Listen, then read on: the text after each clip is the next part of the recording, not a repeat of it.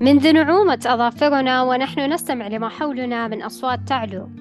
وأحيانا تعلق تلك الكلمات في ذاكرتنا. لذلك أتمنى أن تعلق في ذاكرتك كل ما ينفعك وكن معنا مستمع مستمتع. هذا بودكاست 40 دقيقة نستضيف فيه شخصيات تحدثنا عما في جوفها من معرفة وعلوم مختلفة. واليوم نستضيف مدربة ولايف كوتش ومهتمة بالتوعية بأهمية الاتصال بالذات. لذلك دعونا نتعرف معها عن موضوع الاتصال بالذات. أهلا أهلا أستاذة مريم. أهلا وسهلا. أسعد الله مساك يا رب كل خير. ومساك سعيد بإذن الله. بداية حنا يعني في كل آه، لقاء بودكاست نتعرف آه، على الضيف المتواجد عندنا لذلك آه، عرف المستمعين عن نفسك أستاذة. مريم الجبيري مدربة ولايف كوتش صاحبة بودكاست مريم. عندي مدونة أكتب فيها بشكل متفرق وأستطيع أن أصنف نفسي كمتحدثة جماهيرية. طيب حلو ما شاء الله تبارك الله. يعني تتحدثين جماهيريا عن أي موضوع؟ خصوصا يعني بالمواضيع اللي غالبا المواضيع اللي أتحدث عنها هي مواضيع تطوير الذات ومريت في تجربة اللي هي تجربة آه، الإلقاء والخطابة كان أيضا جزء من الحديث الجماهيري تناولت فيه عدة مواضيع آه، اجتماعية. ما شاء الله حلو. يعني ما شاء الله تبارك الله إضافة لأنك كوتش يعني بالعادة الكوتش نلقاهم يعني مثلا آه، خلف الكواليس فقط مع الشخصية يعني وليس أمام الناس. يعني هذا هذا مفهومي اللي عن ال coaching ك coach في طبعا coach فردي إنه جلسات فردية وفي آه، coach للمجموعات. في coach يقدم بشكل جماعي للمجموعات. ولكن أنا أشوف إنه الحديث الجماهيري وإنك توصل رسالتك بطريقة آه، يعني أوسع بشكل جماهيري هي امتداد للتدريب ولرسائل الكوتشنج اللي يحملها الكوتش نفسه. ما شاء الله تبارك الله. يعني هذه المعلومة أول مرة صراحة أنا أعرفها فيعطيك العافية. وبإذن الله راح تعطيننا يعني أكيد من معلوماتك المتواجدة. لكن بداية حنا حابين نعرف أنه يعني غالبا الشخص يكون آه، لديه مثلا اتصال في الأشياء المحيطة فيه. لكن أحيانا ما يكون فيه اتصال في الذات. لذلك ما هو الاتصال؟ في الذات بداية من هذا الموضوع خلينا نعرف. أه لو جينا لكلمة أو جملة الاتصال بالذات راح نلاحظ أنها هي جملة متكونة من كلمتين اتصال وذات. الذات هي النفس. والاتصال هو مقدرتك على أنك أنت تصل إلى عمقك أن يكون لديك فهم وإدراك ووعي عميق بذاتك. الذات اللي هي عبارة عن إيش؟ عن مشاعرك أفكارك احتياجاتك ميولك تصوراتك الذهنية المنطق الذي آه، تنطلق منه إما كلماتك أو أفكارك حتى أسلوبك وطريقتك في التعامل مع المعطيات الخارجية. كل هذه الأشياء هي ذاتك. فعندما يكون عندك اتصال جيد بذاتك يعني أن عندك فهم وعمق في الفهم وإدراك ووعي وهي أيضا التركيبة النفسية. يعني كل شخص عنده تركيبة نفسية آه، مختلفة خاصة فيه. طبعا بناء على نشأته بناء على موروثاته سواء كانت من الجينات أو من الأفكار بناء على ثقافته وتجاربه المختلفة هنا تتكون شخصيته وتتكون تركيبته النفسية. فهو لما يكون عنده هذا الفهم العميق وهذا الوعي والإدراك بكل هذه التفاصيل ويستطيع أن يتعامل معها نستطيع أن نقول أن هذا الشخص متصل بذاته أو لديه اتصال بالذات. إذا فهم ذات وإدراك المشاعر يعني هذه أكثر جملتين يمكن لفتت انتباهي في الكلام اللي قلتيه أنت. آه إذا اتصال الذات إننا نفهم عمقنا المتواجد في شخصياتنا وندرك مشاعرنا. كذا يكون. صحيح. طبعا هي مشاعر وأفكار احتياجات ميول إلى آخره من الأشياء الداخلية الموجودة في العمق.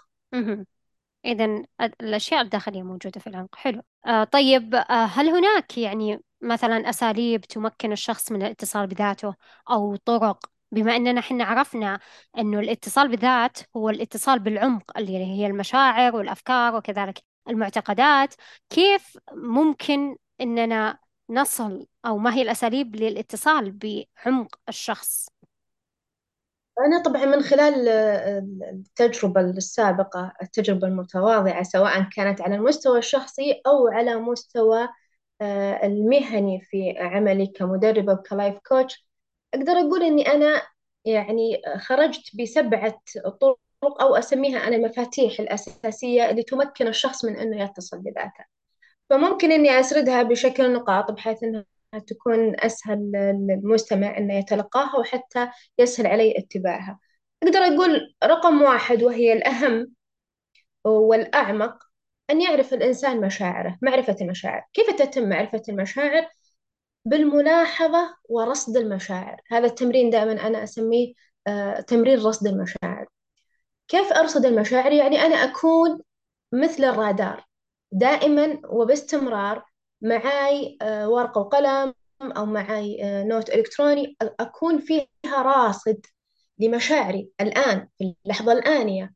مشاعري خلال اليوم. طبعا مهم جدا قبل النوم أنه يكون في تفريغ لما تم آه، أو كل المشاعر اللي دارت خلال اليوم في داخلي. لابد أنا أن أفرغها. ولا وهي ليست يعني رصد لمجرد الرصد هي رصد لغرض التحليل. فأنا أحلل هذه المشاعر وأعرف آه، لماذا تكونت ما سبب تكوينها وبالتالي أقدر أتعامل مع هذه المشاعر. فهذه الأشياء العنصر الأساسي أو الأداة الأساسية في رصد المشاعر هي الملاحظة. فأنا على طول باستمرار عندي ملاحظة مستمرة لمشاعري خلال اليوم خلال الفترة ثم أدونها وأصنفها وأعرف أساس تكوينها. وكيف أتعامل معها. طبعا الكتابة العلاجية تساعد جدا جدا في تفريغ المشاعر وهذا مهم أنه أنا أفرغ مشاعري وأفهمها. ومثل ما قلت لك اللي هي فترة ما قبل النوم هذه جدا جدا مهمة. عندي نقطة ثانية أو نقول إنها نقطة ثالثة معرفة نقاط القوة ونقاط الضعف. كل ما أنا تعمقت في ذاتي كل ما صارت عندي معرفة أعمق في نقاط القوة ونقاط الضعف. ودائما حنا نشير إلى تحليل SWOT اللي هي ال strength وال weaknesses وال opportunities وال threats اللي هي فرص الممكنة المخاطر المحتملة ونقاط القوة ونقاط الضعف. هذا التمرين من أقوى التمارين اللي أنا دائما أحث المتدربات أو حتى العملاء في جلسات الكوتشنج أنه بشكل دوري نقدر نقول شهري نقدر نقول كل شهرين أو كل ثلاثة شهور لازم أنا أعمل هذا التحليل حتى تتعمق معرفتي بذاتي لأنه بعد كل تجربة نمر فيها بعد كل صعوبات بعد كل قصة نحن نتغير.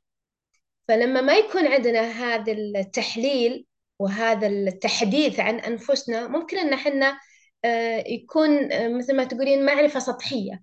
صحيح. فكل ما كان التحليل موجود كل ما كانت المعرفة أعمق. آه، النقطة الرابعة عندنا لما أعرف أنا تفاصيل أكبر عن ذاتي. كيف أعرف تفاصيل أكبر عن ذاتي؟ أنا لما أجي أسأل أي شخص عرفني بنفسك أو يعني تعريف بسيط ممكن إنه يعطيني تعريف بالاسم آه، باسم القبيلة بمكان السكن آه، الدرجة العلمية أو المكان العملي هذه المعرفة أنا أعتبرها معرفة سطحية. لكن لما أسأله ماذا تعرف عن ذاتك أو ماذا تعرف عن نفسك؟ ويجيب نفس الإجابة اللي هي إجابة عرف عن نفسك. هنا نعرف أن فيه عدم اتصال بالذات. طب أنا كيف أعرف هذه التفاصيل الأكثر عن نفسي؟ كيف تكون عندي معرفة تفاصيل عميقة؟ دائما أنا آه، أشير إلى تمرين أكتب مئة شيء تعرفه عن نفسك. دائما باستمرار آه، أشير على هذا التمرين. طبعا في ناس تحس أنه مئة شيء كثير. إذا كانت المعرفة سطحية بالذات بتكون مئة نقطة كثيرة. لكنها مع كثرة التكرار تعطيك تفاصيل جدا جدا عميقة وأنا لا أقصد فيها التفاصيل العادية لا أقصد طريقة تفكيرك في تلك الفترة طريقة مشاعرك كيف عبرت عن نفسك في تلك الفترة إيش الأشياء اللي صارت أقرب لذاتك إيش الأشياء اللي حسيت أنه ما عادت نفسك تتقبلها وإلى آخره من التفاصيل الداخلية. النقطة الخامسة أقدر أقول كل ما كان عندك آه، ساعة وبوصلة كان عندك معرفة أعمق بذاتك. يعني ساعتك الخاصة يعني مواقيتك. مواقيتك أنت وليست مواقيت الآخرين ولا هي المواقيت المجتمعية المتعارف عليها. مواقيتك الخاصة وبوصلتك يعني اتجاهك. يعني اتجاهك الخاص. يعني فيها قيمك يعني فيها أهدافك يعني فيها هواياتك. فلما تكون عندك الساعة والبوصلة واضحة بيكون عندك عمق في المعرفة. أيضا عندنا معرفة المهارات والقدرات. لما أنا أتعرف على مهاراتي وقدراتي أقدر أفعلها ولما ما تكون عندي هذه المعرفة واضحة أنا ممكن إني أسأل أي شخص قريب حولي.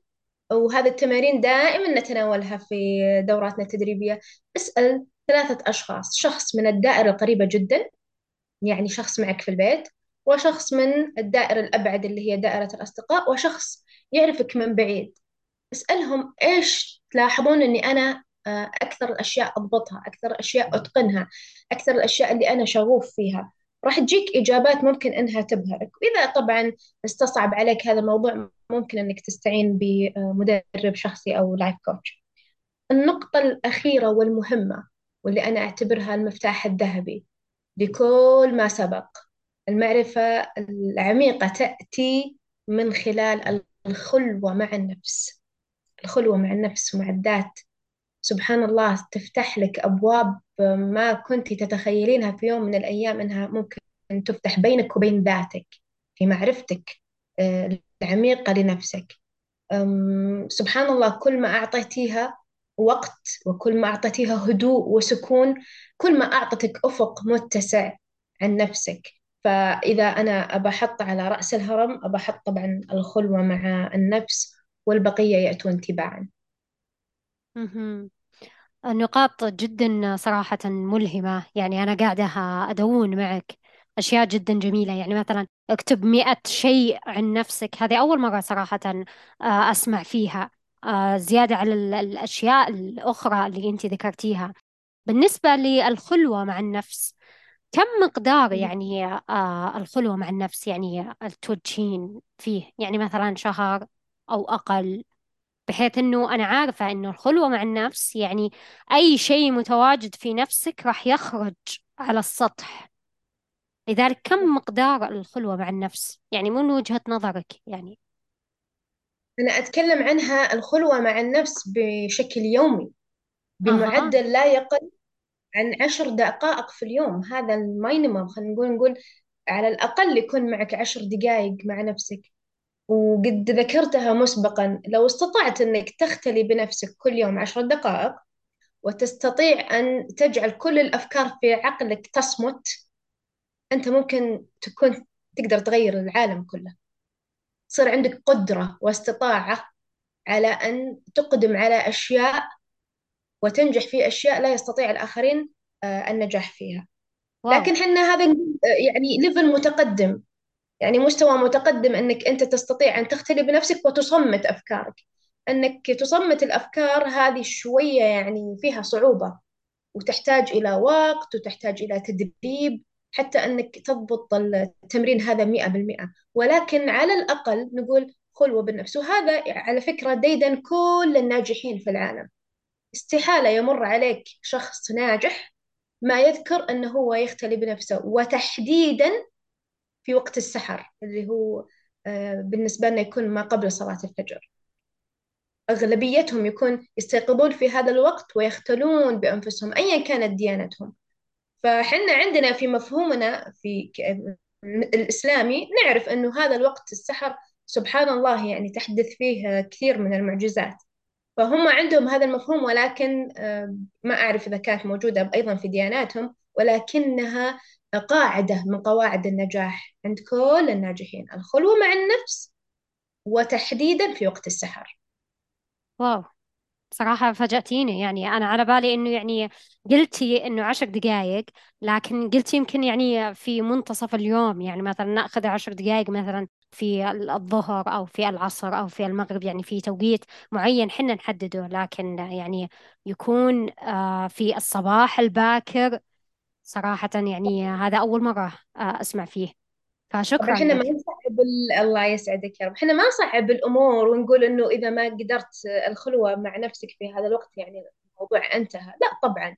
أنت تستطيع تحدده على حسب آه، يعني آه، سير يومك. أنت كيف يومك يصير في ناس عندها شفتات في ناس تداوم بالليل في ناس تداوم بالنهار في ناس عندها دراسة في ناس عندها يعني واجب الأمومة وكل حسب واجباته وهنا تجي معرفتك أنت لذاتك. في ناس تحب تجلس مع نفسها في الصباح أول الصباح وفي ناس لا.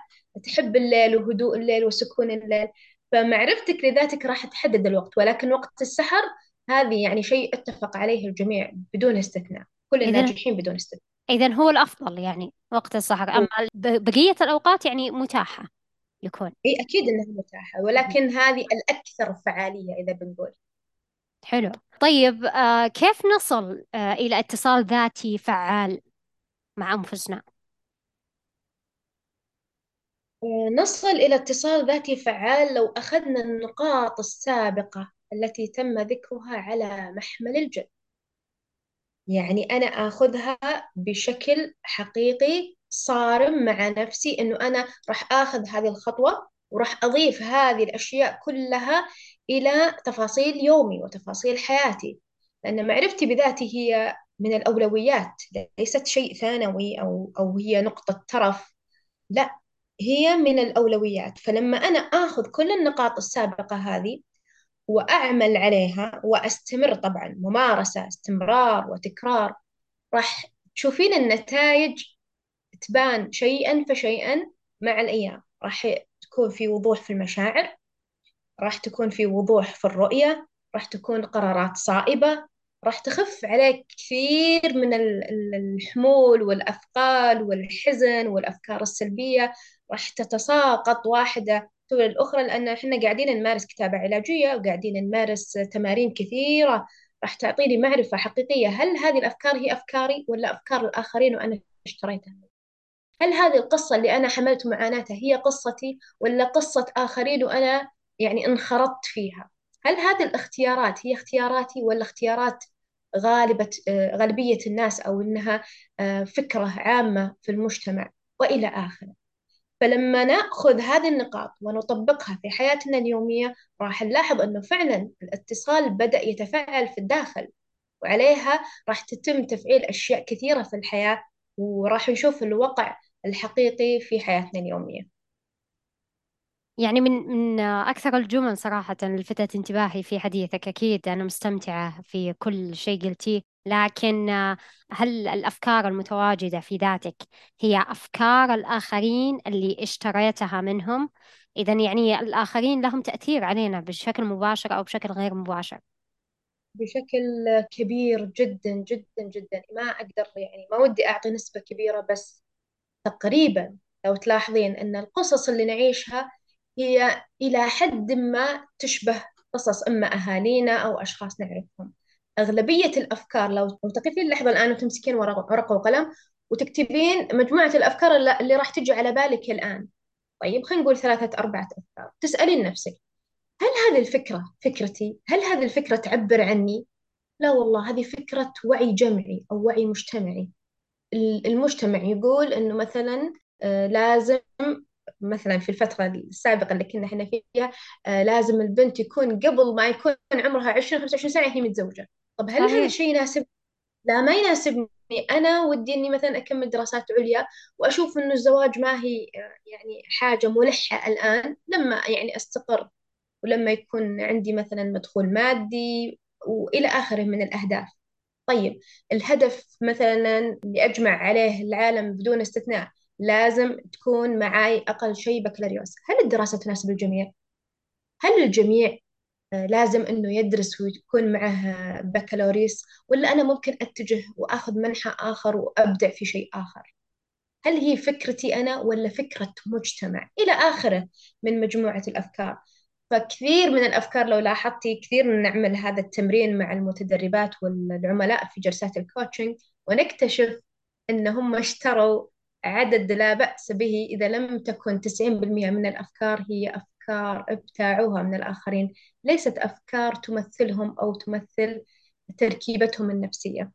فلما يكون في معرفة واتصال بالذات أستطيع التفرقة بين أفكاري النابعة من الداخل والأفكار التي ابتعتها من الآخرين. طيب ليش آه، الاتصال خصوصا بالذات مهم بالنسبة لكل شخص؟ وليش لازم علينا حنا كأشخاص نتعلمه وكذلك نكتسبه. لأن في الاتصال فيه مثل ما قلنا فهم وفيه وضوح وفيه اختيارات حقيقية تمثل الشخص ما تمثل الآخرين. آه، الوضوح وضوح الرؤية وضوح القيم وضوح الأهداف. آه، يعني أذكر مرة من المرات آه، سألت مجموعة كنت أقف أمام مجموعة كبيرة من الطالبات وسألتهم ما هي أهدافكم؟ طب ما هي رسالتكم؟ طب ما هي قيمكم؟ ما وجدت ولا إجابة هذا يعني أن هنا في انفصال شديد عن الذات وأتوقع الآن في الأيام اللي حنا فيها مع الوعي اللي ما شاء الله وصل له المجتمع من المسلمات أن يكون لديك صورة واضحة عن أهدافك قيمك رؤيتك ورسالتك. هذه أبجديات. ولكن ربما إلى الآن هناك فئة يعني ما وصلت إلى الآن لهذا المستوى من الوعي وإن شاء الله أنه راح يعم هذا الوعي على الجميع. ولكن تخيلي أنه أنا ما عندي هذه الأبجديات عن نفسي. يعني أبجديات أساسية. ألف باتا معرفتي بذاتي. رؤية رسالة قيم أهداف. رؤيتي غير واضحة. قراراتي غير صحيحة. وحتى وأنا اتخذت قرارات راح ألاقي أنها ستأخذني في يوم ما إلى مكان هذا المكان ما يشبهني ولا أنا قررت أكون في هذا المكان ولكن لأنه في البداية ما كانت صورتي عن نفسي واضحة. فبالتالي القرارات وال وحتى ردود الأفعال حتى اتجاهاتي كلها ستكون تشبه أي شيء آخر عدا أن تشبهني أنا. أنا مستمتعة صراحة يعني عشان كذا الهدوء اللي آه يجيني. مع إنه الأغلب صار عندهم وضوح بالنسبة لرؤية أهداف وكذلك قيم وكذلك رسالة. ودائما حينما يتعلم آه الشخص ويمارس الاتصال بالذات يحدث أحيانا في آه حياته مشكلات تكون خارجة عن إرادته وبالتالي يتصرف يعني بطريقة تلقائية أكيد يعني بعيدة عن آه، اتصاله في ذاته كيف ممكن آه، يتجنب الشخص فقد الاتصال بالذات خصوصا في مسألة المشكلات؟ الشخص اللي يكون عنده اتصال حقيقي بذاته مستحيل أن يكون شيئا آخر سوى ذاته حتى لو كانت في أكبر المشكلات هو في النهاية راح يعبر عن الشيء اللي هو يعرفه عن ذاته. وراح تلاحظين إنه راح أنت قلتيها بشكل لا واعي وبشكل تلقائي. آه، الشكل التلقائي هذا يعني أن اللاواعي قاعد يتصرف. واللاواعي لما يكون فيه تحديث جديد عن المعتقدات اللي تبنيتها واللي أنا أؤمن فيها بشكل شخصي واللي هي تعبر عن نفسي وعن حقيقتي وعن جوهري أنا بالتالي هو العقل اللاواعي راح يتصرف على هذا الأساس فردود الأفعال راح تعبر بالضبط عن ما أنا آه، أكنه في داخلي. يعني راح تكون انعكاس حقيقي تصرفاتي وردود آه، أفعالي وجهات نظري أيا كان المخرج اللي راح يخرج مني راح يكون متطابق تماما مع أفكاري عن نفسي أو الصورة الداخلية عن ذاتي. اللاواعي راح يعبر بشكل تلقائي آه، وحقيقي عن عني أنا بالتحديد. لكن لو تلاحظين الناس اللي ما عندهم تحديث ولا عملوا اللي هم آه، المعتقدات الجديدة يعني ما عملوا نسف للمعتقدات القديمة اللي ما تمثلهم وتبنوا المعتقدات الجديدة راح يكون مثل ما ذكرتي راح يكون الوارد منهم أو المخرجات اللي تخرج منهم سواء ردود أفعال أفكار مشاعر تصرفات قرارات هي كلها نابعة من البرامج القديمة اللي موجودة في اللاوعي واللي أغلبها ما تعبر عنهم بشكل حقيقي راح تعبر عن الآخرين عن الأفكار اللي أخذوها من الآخرين عن وجهة نظر الآخرين. فلما يكون عندي فعلا اتصال حقيقي راح اللاواعي يحمل هذه الأفكار وحتى تصرفات التلقائية راح تكون انعكاس حقيقي لي. لو تلاحظين الأمهات دائما آه، لما يكون عندهم مثلا إحباطات أو عندهم مرحلة غضب يمرون فيها لسبب معين يتصرفون بشكل تلقائي برفع الصوت.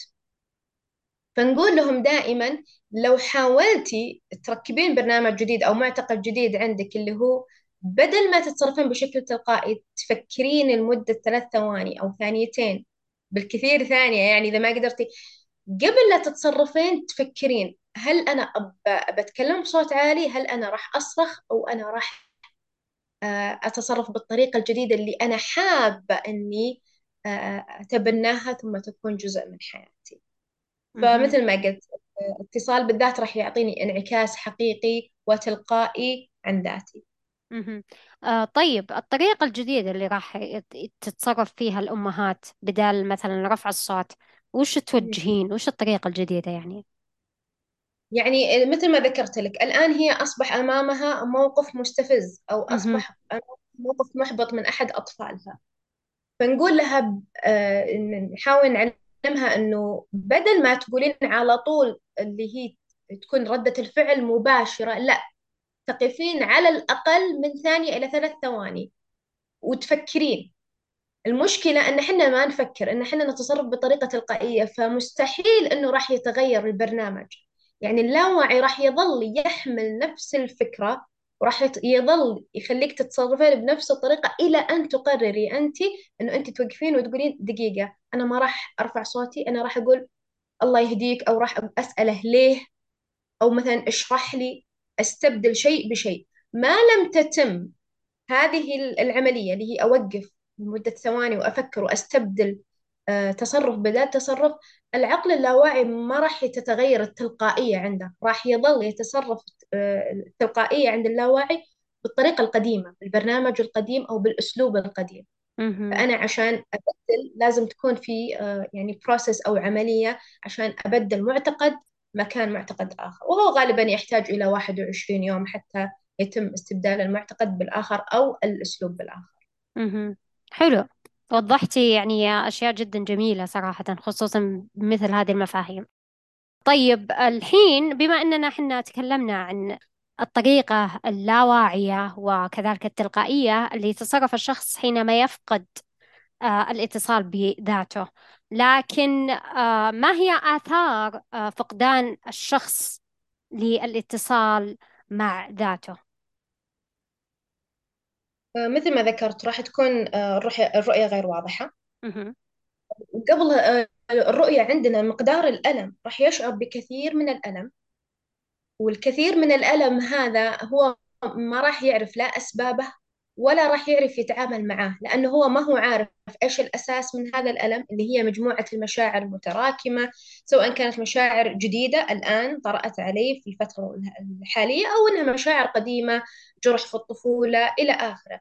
فهو ما هو عارف أساس هذه المشاعر أو هذا الألم ولا هو عارف في المقابل كيف يتعامل معه. فرقم واحد اللي راح يحصل لما الإنسان يفقد الاتصال بذاته أنه هو راح يشعر بالألم باستمرار بدون ما يعرف السبب ولا يعرف الكيفية للتعامل مع هذا الألم. مثل ما ذكرنا عدم وضوح الرؤية آه طبعا آه راح تكون أغلب القرارات آه غير صائبة ولا تمثله ما تمثل أفكاره ولا شخصيته وراح يمكن ينتبه لهذا الموضوع في مرحلة متقدمة. ممكن يكون في مجال أنه يعني يصلح ما تم في السابق وممكن ما يكون فيه. طبعا على حسب المرحلة اللي وصل لها من التقدم أو مرحلة في كثير ناس يوصلون مرحلة عمرية متقدمة جدا وينتبهون في مرحلة متأخرة. طبعا آه، يدخل في حالة تخبط آه، وتخبط كبيرة يعني حتى في اختياراته. ولو تلاحظين أنا أحاول أني هذه المرحلة أتفاداها مع اللي هم خريجين المرحلة الثانوية. آه، كل ما كان عندهم آه، معرفة عميقة بذاتهم كل ما كانت اختيارهم طبعا هذه مرحلة مفصلية في الحياة فيها اختيارات قائمة عليهم مستقبل قادم. فلما تكون عندهم معرفة حقيقية بذاتهم مشاعرهم اتجاه الأشياء ومشاعرهم اتجاه آه، يعني اختياراتهم راح يكون آه، عندهم آه، حالة اللي هي ثبات واختياراتهم كلها صحيحة وتعبر عنهم بالتالي كل شيء راح يكون إلى حد ما يشبههم في المرحلة القادمة. الأهم من هذا كله عندي شيء جدا آه، قوي راح يفقد عندما يفقد الاتصال بالذات. اللي أنا نسميه صوت القلب أو حنا نسميه الحدس أو الحاسة السادسة. هذا الصوت هو صوت يأتي من الداخل من العمق من الجوهر وهو دائما آه، صوت حقيقي. لو مشينا وراء هذا الصوت راح يوصلنا للمكان الصحيح المكان اللي يشبهنا المكان اللي يمثلنا يمثل أفكارنا ويمثل حتى مشاعرنا واللي متناسب معانا في المرحلة اللي حنا فيها. لكن لما يكون الاتصال مفقود بيني وبين ذاتي معناته الصوت هذا راح يكون جدا خافت لدرجة أحيانا إن إحنا ما نقدر نميزه بين بقية الأصوات. فأحيانا في شيء تقولين أنا والله كنت حاسة إنه هذا الشيء بيصير بس ما أدري ليه يعني تجاهلت الإحساس هذا. تجاهلتيه لأن الصوت جدا خافت وبعيد ما تقدرين تميزينه مع زحمة الأفكار وزحمة المشاعر زحمة الأشياء اللي أنت فيها وقرارات اللي عندك ومشاعر الآخرين اللي أنت اختلطتي فيها. فكل ما كان عندك خفة في المشاعر عندك وضوح في, في الإحساس عندك رؤية واضحة عن نفسك واتصال حقيقي كل ما كان هذا الصوت واضح ويعطيك اتجاهات حقيقية واتجاهات تمثلك وبالتالي تكون النتائج مرضية وتشبهك إلى حد كبير. طيب آه، بالنسبة للحدس أو كما يسمى صوت القلب قلتي أنت أحيانا يكون فيه يعني زحمة في الأفكار زحمة في المشاعر. طيب كيف نخلي هذا الحدس يكون واضح؟ هل تعتقدين أنه الكتابة العلاجية اللي تفريغ كل شيء تجعل هذا الصوت صوت الحدس يكون واضح ولا وش ولا وش الطريقة؟ قطعا قطعا الكتابة العلاجية. قطعا الكتابة العلاجية هي رقم واحد بأنك أنت تفرغ كل هذه الأغطية والأغلفة اللي بتغلف في القلب وصوت القلب. راح تكون فيه آه، مساحة كبيرة أنك أنت تسمع لذاتك وصوتك الداخلي بشكل واضح وحقيقي. كل ما خففت من هذه الألم أغلبيتها ذكريات آه، آلام سابقة جروح في الطفولة آه، يعني كلمات ممكن أدتنا خلال اليوم. فأنت تخيلي لو أنت عندك تفريغ مستمر من خلال الكتابة أول بأول ما راح تشغل هذه الأشياء مساحة كبيرة من عقلك ومن مخيلتك من آه، طريقة تفكيرك راح يكون الصوت واضح والعقل هادي. طبعا إلى جانب الكتابة العلاجية عندك الخلوة. كل ما زادت خلوتك مع نفسك كل ما صار صوتك الداخلي أوضح. حلو. إذا بما أننا يعني تعمقنا بشكل آه، كبير عن هذا الموضوع اللي هو الاتصال بالذات عرفنا يعني جوانب كثيرة عنه. عرفنا كذلك يعني كيف آه، يكون واضح الحدس بالنسبة للأشخاص أو أو ما يسمى بصوت القلب. طبعا عن طريق آه، زي ما ذكرتي أستاذة الكتابة العلاجية وكذلك الخلوة خصوصا التوقيت اللي يكون في فترة السحر. يعني هذا الجانبين هم الأفضل آه، لظهور صوت القلب أو ما يسمى بالحدس. طيب في هناك دائما سؤال ينسأل لأي شخص متواجد. كيف ترى نفسك بعد خمس سنوات أو أكثر؟ آه هذا السؤال آه طبعا أكيد يمكننا من الاتصال بذاتنا المستقبلية. لكن بالنسبة هل تصورنا عن ذاتنا المستقبلية في الوقت الحالي يتحقق بمجرد قوله ولا يكون يعني هناك نماذج أخرى لتحقيق آه هذا الصورة عن أنفسنا في المستقبل. طبعا صورتنا الذهنية خلينا نقول أول شيء الذهنية آه عن ذواتنا في المستقبل هذا شيء يعني مهم جدا جدا أنه يفعل ومن وقت مبكر إنه كل شخص يكون عنده صورة ذهنية واضحة عن ذاته في المستقبل. إنه يفعل أو تفعل هذه الصورة ونستطيع الوصول لها بمجرد إنه حنا نتخيلها أو بمجرد إن حنا نكتبها ما هي بهذه الطريقة ولكنها بداية الطريق. نعم بداية الطريق إني أنا أكتب القصة اللي أنا أبغى أوصل لها. وأتصور الصورة النهائية اللي أنا أبغى أكون آه، فيها أو أوصل لها أيضا. ولكنها ليست كفيلة بأنها توصلني لهذا الهدف أو لهذه الصورة.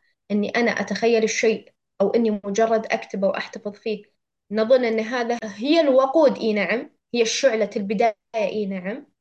راح يظل العقل اللاواعي يذكرني بهذه الصورة دام أني أنا يعني رسمتها وضعتها في مخيلتي كصورة ذهنية نهائية. صحيح العقل اللاواعي راح يظل يذكرني فيها وراح يظل يعني يرسل هذه الإشارات إلى جسدي بحيث أني أتصرف ويعني أتحرك إلى هذا الهدف. ولكنها جزء من السعي اللي راح يوصلني للصورة النهائية وليست كل. هي جزء ويمكن أقدر أقول إنه جزء بسيط. هناك كثير من الأشياء في, في الطريق حتى إنها توصلني للصورة النهائية. من ضمنها السعي المادي على مستوى المادة السعي الجسدي إنه أنا آه، أتحرك باتجاه هذا الهدف.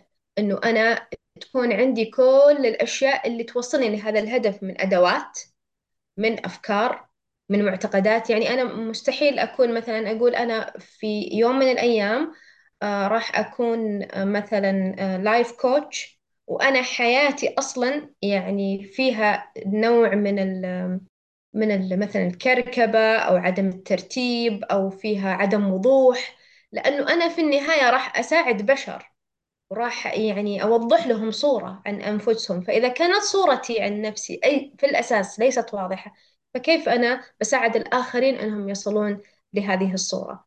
فهي تحتاج إلى بداية وهذه بداية لطيفة ولكن في كثير من الخطوات تأتي تباعا بعد هذه الخطوة. من ضمنها أنه أنا أسعى في طريقة تحقيق هذه الصورة النهائية. ذكرتي أنتي أنه يعني في مرحلة السعي هناك أدوات وأفكار وكذلك معتقدات. أحيانا تكون آه، بعض مثلا الأفكار والمعتقدات تعطل وصولنا للصورة المستقبلية أو تحقيق هدف مستقبلي. صحيح. كثير من الأفكار والمعتقدات اللي نحملها ممكن تكون معيق إنه نصل للصورة النهائية اللي حنا نتخيلها أو نحلم فيها. ومثل ما ذكرنا سابقا أغلبيتها تكون معتقدات حنا حملناها معانا من الطفولة أو اكتسبناها من من المدرسة أو من الإعلام أو من المجتمعات اللي حنا فيها. وهذه الأفكار آه، أو المعتقدات آه، راح تكون عائق إذا ما تم استبدالها بالأشياء اللي حنا نحتاجها كأداة حتى أصل لهذه الصورة النهائية. يعني أنا مثل ما ذكرت قبل شوي في في المثال السابق إذا أنا حابة أكون مدربة أو حابة ألعب كوتش أو حتى حابة أكون كاتبة فمستحيل تكون عندي فكرة إنه أنا مثلا حصيلتي اللغوية ضعيفة. أو مستحيل تكون عندي فكرة إن الكتاب أشخاص سيئين. أو مستحيل تكون عندي فكرة إني أنا كسولة ما أحب أنجز مثلا أعمالي أولا بأول. أو إني أنا أتجاهل الإلهامات اللي تجيني ككاتبة. فهذه كلها أشياء أفكار معتقدات تحول دون الوصول إلى الهدف النهائي. لكن أنا لازم أتبنى كل المعتقدات وكل الصور الذهنية وكل الأفكار اللي تسهل علي الوصول. أنا أعرف أن حياة الكتاب لها نمط معين أو حياة مثلا آه، لاعبي كرة القدم عندهم يعني يعني مسار خاص فيهم من ناحية التغذية من ناحية التمرين آه، حتى درجة التمرين في القوة. ما هي تمارين عادية أعرف أنه عندهم نمط حياة معين نمط سفر معين. كثير من الأشياء أنا لازم أكسبها في الطريق حتى أستطيع الوصول لهذه الصورة. هذه الأفكار والمعتقدات إذا كانت آه، يعني مخالفة أو عكس الصورة النهائية فهي لا تخدمني. فبالتالي كشخص واعي ومدرك لازم أني أستبدل هذه المعتقدات حتى تكون في خدمتي. طيب إذكري لنا طريقة واحدة لهدم مثلا هذه الأفكار والمعتقدات. خلي مثلا المستمع إذا كان لديه صورة مستقبلية عن ذاته ولديه فكرة معينة كيف إنه يهدم؟ أعطينا طريقة واحدة مثلا من أفضل الطرق. أول شيء هو لازم يلتقط هذه الفكرة. مه. المشكلة إنه إذا أنت ما كان عندك اتصال حقيقي بذاتك ما راح تلتقط إن هذه الفكرة هي المعيقة أو هذه الفكرة هي الهدامة أو هذه هي الفكرة السلبية اللي تحول دون الوصول للهدف. فلما تلتقطها وتعرف إن هذه هي الفكرة السلبية أو هذه هي المعتقد المعيق إنه مثلا أنا ما عندي مثلا زي ما ذكرنا حصيلة لغوية كافية حتى أكون كاتبة أو ما عندي القدرة على التخيل حتى أكون كاتبة أو روائية. أمسك هذا المعتقد أول شيء ومعاه طبعا مجموعة المعتقدات وأرصدهم. خلاص رصدتهم صاروا موجودين عندي في قائمة. ممكن أسلسلهم من واحد إلى ثلاثة إلى أربعة. وأنا أفضل طبعا أني أشتغل على المعتقدات واحد واحد ما تكون مجموعة حتى أنه يأخذ كل معتقد وقته في أني أفككه. طبعا كل معتقد مثل ما ذكرنا يحتاج إلى واحد وعشرين يوم عندنا ثلاثة أوجه. الوجه الأول أني أنا أرصد هذه المعتقدات لمدة سبع أيام. تأكدت أن هذه هي المعتقدات المعيقة تأكدت أن كل الأفكار أو المشاعر اللي أنا أحملها داخلي تجاه هدفي هي سلبية بسبب هذا المعتقد؟ يعني أنا أشعر بالسوء وما أقدر أني أنجز بسبب هذا المعتقد؟ أوكي تأكدت أنه موجود. بعد سبعة أيام راح أبدأ أعكس هذا المعتقد إلى شكل إيجابي. أنا مثلا آه، ليست لدي حصيلة لغوية أو أنا ليست لدي مخيلة واسعة؟ لا. أنا مخيلتي واسعة. أنا لدي قدرة على التخيل. أحطها أو أكتبها بشكل إيجابي معاكس تماما للفكرة السلبية الأساسية. لمدة أيضا سبعة أيام أخرى. ولا راح ألاحظ في هذه الفترة أنه الكثير من الأشياء الداخلية راح تطلع على السطح. راح تطلع كثير مشاعر أحيانا إنه إنكار أحيانا اعتراض. كلها تجي من العقل اللاواعي قاعد يحميك من الفكرة الجديدة. ليه؟ لأنه أنا جالسة أطلع من منطقة الراحة. أنا في منطقة الراحة حقتي أقول إن أنا ما عندي مخيلة خصبة تأهلني إني أكون روائية أو كاتبة. المعتقد الجديد اللي هو خارج منطقة الراحة واللي بالنسبة للعقل اللاواعي هو لازم يحميني منه فهو الآن يبتدي يحميني يقول لي لا نسيت اليوم الفلاني نسيت في مادة التعبير كنت ما تقدر تعبر نسيت لما كنت تحاول تتخيل كذا وكذا لم تستطع إلى آخره. راح تجي كثير من الأفكار المعيقة أني أنا أغير هذه الفكرة. إلى أن آه، تعدي سبعة أيام. طبعا على, على تقريبا اليوم الواحد وعشرين راح تلاقين أنه المعتقد بدأ يتغير. وراح نبتدي نستقبل أشياء لازم تكون عندنا طبعا قدرة على الالتقاط وقدرة على الرصد الأشياء الجديدة اللي جاية. راح ألاقي إنه في أشياء كثيرة تجي في صالح المعتقد الجديد. فيبغى له الموضوع رصد يبغى له وعي ويبغى له صبر. إنه أنا أصبر لهذه المدة وأكون واعية لهذه الأفكار إنها هي جاية من عقل اللاواعي يحميني من الفكرة الجديدة لأني خرجت خارج منطقة الراحة. حلو. يعني جواب جدا كافي وأعتقد أي شخصية قاعدة تحاول إنها تغير في مسألة المعتقدات أعتقد هذه إجابة جدا كافية بالنسبة له. وأنا عارفة إنك ما شاء الله تبارك الله عندك خبرة جدا متعمقة في هذا الموضوع وأنا عارفة إنك يعني تقدمين جلسات coaching فيعني إذا كان الشخص ما قدر إنه يصل لمرحلة فك المعتقدات أكيد راح يتجه لل coaching صحيح؟ صحيح يعني إذا ما قدر على مستوى شخصي إنه يحل الموضوع أو يفك المعتقد آه، يعني الكوتشنج كثير راح يساعده لأنه جزء من عمل الكوتش إنه هو يتابع الموضوع. فعندنا إحنا في هذه البرامج اللي هي فك المعتقدات نتابع لمدة 21 يوم. نتابع كل التطورات اللي تصير معاه ونرصد معاه هذه الأشياء اللي ممكن تعيقه عن فك المعتقد القديم ونلاحظ معاه الأشياء الجديدة المتوافقة مع المعتقد الجديد. فأكيد جلسات الكوتشنج بتكون جدا فعالة في الموضوع. طيب آه خلينا نرجع الحين لموضوعنا هو الاتصال بالذات لكن كل النقاط اللي ذكرناها هي تعبر عن الذات وعن أشياء جدا مهمة في نسبة الاتصال العميق في الذات. آه لكن أكيد آه لكل آه شيء صعوبة.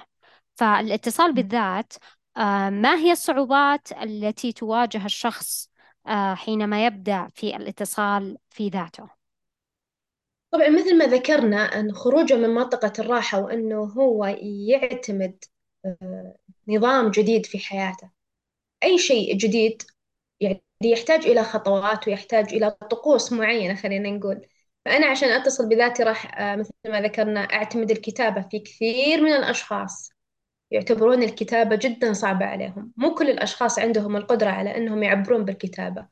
فهنا نستبدل الكتابة ممكن بأشياء ثانية. مثل إما التسجيل الصوتي أو تسجيل الفيديو وفي بعضهم يخففون عن آلامهم آه، بطريقة الرسم وهذه أيضا تعتبر جزء كعلاج. ولكن تظل الكتابة العلاجية في في رأس الهرم. يعني رقم واحد في إنه تعالج مشاعرك لأنه بتكون فيها مواجهة حقيقية وبيكون فيها تحليل لكل ما تم كتابته. فإنك تعتمد هذا النظام الجديد وهذا ال lifestyle الجديد في صعوبة كبيرة. ما في اعتياد على الموضوع في أشياء جديدة لازم تدخل نظامك. أنك تختلي بنفسك هذه من أصعب الأشياء اللي ممكن تواجه أي شخص. إذا ما كان حولك أشخاص داعمين لوجهتك الجديدة وتوجهك الجديد في أنك تتصل بذاتك هذه أيضا تعتبر من المعيقات واللي راح تصعب عليك العملية. ولكن كل ما كان عندك يعني ثبات على آه، توجهك الجديد كل ما كان آه، الإصرار والقدرة على الوصول أكبر. ممكن كثير كثير راح تواجه تساقط آه، في الأشخاص من حولك. كثير أشخاص بعد ما تتعرف على ذاتك أو تحاول فقط معرفة ذاتك راح يتساقطون أشخاص من حولك وراح يشعرون بالغضب لأنه في معرفتك لذاتك راح تكون في رسم لكثير من الحدود وراح تعرف إنه هذا الشيء ما يعجبك وراح تقول لأ. من أبرز الأشياء اللي راح تصير بعد معرفتك بذاتك إنك راح تقدر تقول لا وراح تختار الأشياء اللي تناسبك وهذا راح يسبب حالة غضب آه، عارمة في الأشخاص من حولك اللي لا يقبلون أن تكون أنت ولا يقبلون أنك تضع الحدود ولا يقبلون أن تختار اختياراتك الخاصة. فهذه كل هالأشياء ممكن آه، تواجهك في طريقك ولكن الهدف يستحق المعاناة آه، أو يستحق أنك تعاني أو تمر في هذه الأشياء من أجل أن تحصل على المحصلة النهائية. أكيد والصورة المستقبلية لذاتك أكيد تستحق أنك تواجه كل هذه الصعوبات حتى تصل لسواء ذاتك الحالية والاتصال فيها وكذلك الصورة المستقبلية لديك. صحيح. إذا الآن ختام أكيد بودكاستنا لكن حنا حابين نعرف أستاذة ما هي رسالة اليوم منك إلى المستمعين. رسالتي إنه كل شيء في هذه الحياة يحتاج إلى عناية وعلى رأس هذه الأشياء هي ذاتك. تحتاج إلى عناية شديدة جدا عناية في تفاصيلها في آه، مستجداتها في احتياجاتها ومتطلباتها. وكل ما كانت عندك معرفة لذاتك كل ما قدرت تلبي احتياجاتك ونداءات روحك المتتالية. فاعتني بذاتك. آه، أعطيها آه، الكثير من الوقت والكثير من الاهتمام حتى تجود عليك بالكثير من الإبداع والكثير من الإلهام والكثير من النجاحات والصور الذهنية المحققة. يعني باختصار اتصل بذاتك. إذا آه، الأستاذة مريم والكوتش كذلك تقول اتصل بذاتك.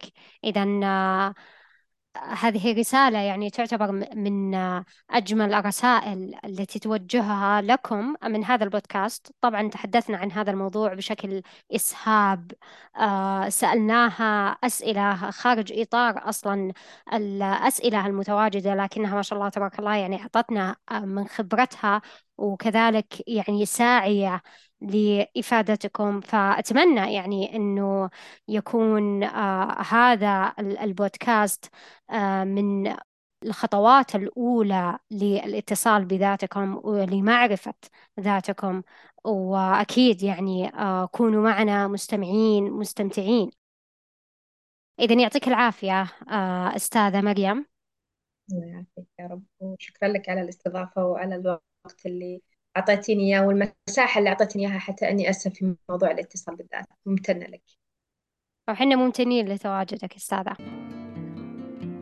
وعلى هذا سيداتي وسادتي دمتم بخير وشاركوني تعليقاتكم على هذه الحلقة في أحد مواقع التواصل الاجتماعي.